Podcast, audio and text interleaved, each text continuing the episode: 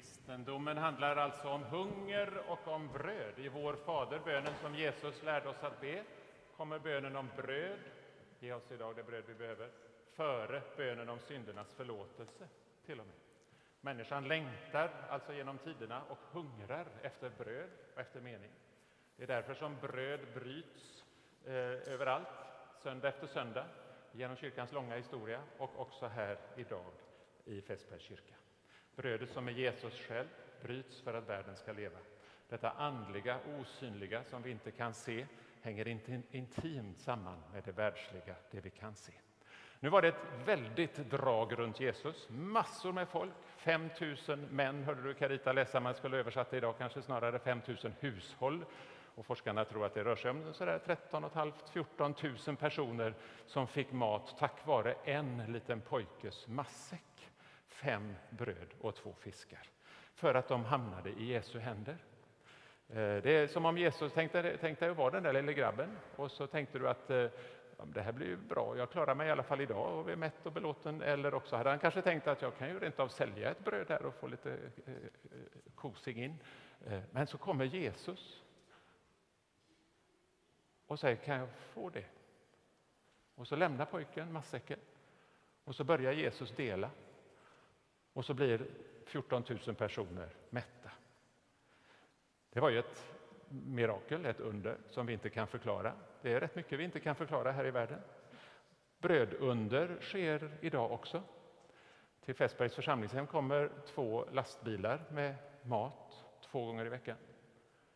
Eh, och det som händer där, eh, där finns Hanna Esping Östlin med till exempel, ur det diakonala teamet och flera andra också. En hel, jättemånga ideella som kommer varje vecka. Eh, händer det brödunder idag, Hanna? Ja, men det gör det ju, Karl. Det gör det? Ja. ja. Eh, det sker ju faktiskt både små och lite större brödunder dagligen i Fässbergs församling, skulle jag vilja säga. Det du just nämnde, eh, matdelningen som vi har, är ju ett exempel som vi gör i, samband med, i samarbete med Stadsmissionen och Solikyl. Men också med hjälp av alla de ekonomiska bidrag som vi får till det diakonala gåvokontot. Tack för det. Sen ett annat exempel är ju det vi gjorde för ett år sedan ungefär, eh, nere i Gallerian när vi hade Handla för andra. När människor kunde gå och handla någonting och eh, lämna in till oss så att vi kunde dela med oss av det och ge till dem som behövde det bättre. Och någon kunde komma med en tandborste och någon annan kunde komma med flera kassar med matvaror. Men storleken på den gåvan är ju helt oviktig tycker jag utan det är ju att man försöker hjälpa varandra med de medel man själv har. Och att eh, med kärlek, omtanke och solidaritet hjälpa sin medmänniska. Det är ju de handlingarna som räknas. Och de handlingarna kan vi ju faktiskt gå till Jesus egna ord som han har använt. Att vad ni har gjort för en av dessa mina minsta, det gör ni för mig. Och så blev alla mätta. Och människor blir mätta idag också.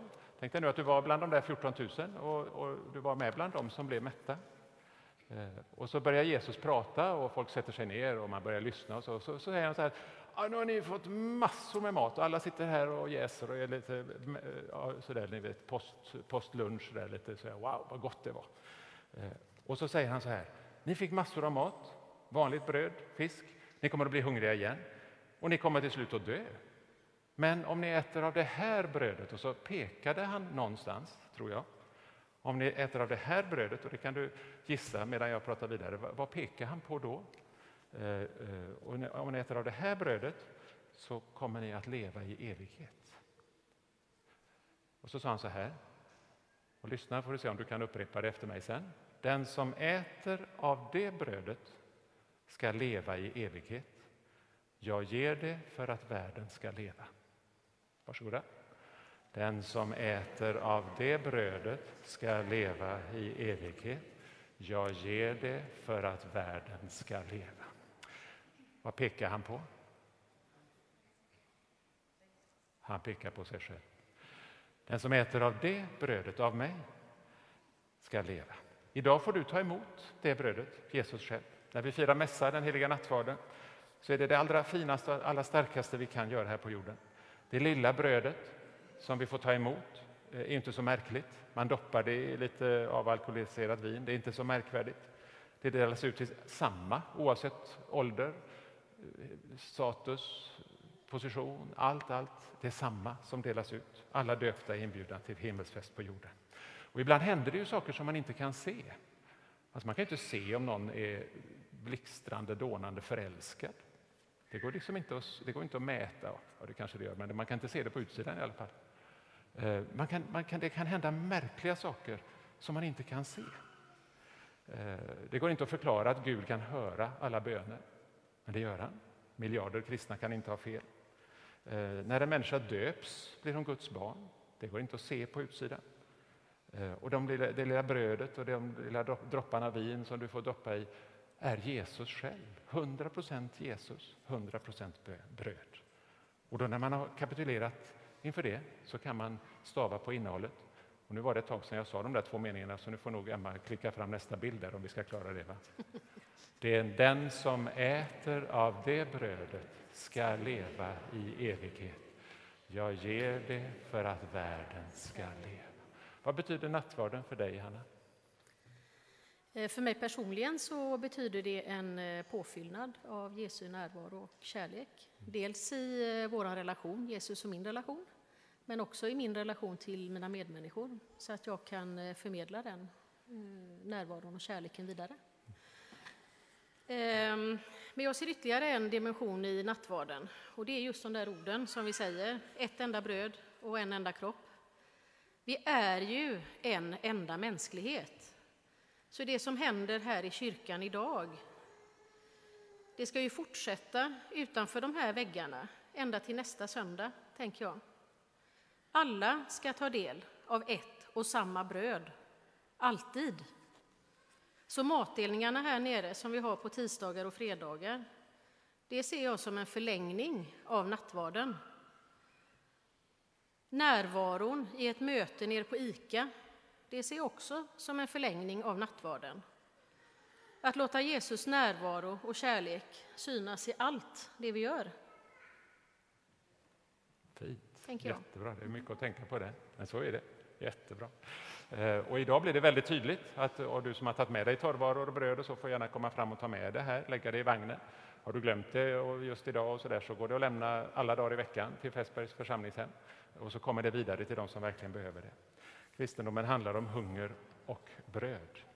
Eh, och du kan få göra ett litet experiment när du är med sen i den här rörelsen fram hit, oavsett om du har med dig bröd och torrvaror och sånt, så kan du ändå liksom göra det som ett experiment, att här kommer vi, lämnar ifrån oss det som vi just nu inte behöver, så att andra ska få leva. Eh, här kommer vi för att ta del, alltså jag är del i den rörelsen, så är del i, i hur Guds rike, rike breder ut sig, hur skapelsen återupprättas. Det är oerhört stora saker som du är med om precis här just nu. Och då kan du få stava på lite på de där meningarna eh, igen när du kommer fram hit och göra om dem till en bön. Tänk att jag som lilla jag som får komma fram här, ta emot Jesus, få en del av det, få ta emot det brödet som gör att jag får leva i evighet. Jag ger det för att världen ska leva, säger Jesus. Kan du se något av det där, att skapelsen ska återupprättas? Eller kan, du, kan du se det en, en vanlig tisdag i, i Mölndal? Absolut, ah, det ser jag mycket av. Ja. Berätta. Eh, här i församlingen så ser jag ju möten och engagemang och aktiviteter som lyfter människor, som ger mening och kraft. Jag ser hur människor växer i sina roller, de kanske får nya roller till och med.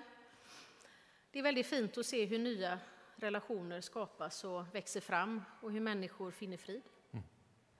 Men det finns också tecken att se, tycker jag, i eh, Mölndals stad. Vi har ju haft eh, tre ganska prövande år nu med både pandemi och eh, konsekvenserna av ett krig. Och det är klart att det har skapat en hel del svårigheter för många, men det har också skapat en enorm kreativitet, att skapa nya förutsättningar för att samhället ändå ska funka. Olika aktörer i Mölndals stad gick samman för att hjälpa våra äldre, som ju var en riskgrupp i pandemin. Vi har kunnat se insamlingar till eh, Ukraina i varenda kvarter här i Mölndal. Och eh, julklappsinsamlingen som vi hade förra året för barn och ungdomar, det slog alla rekord när Mölndalsborna mannade upp.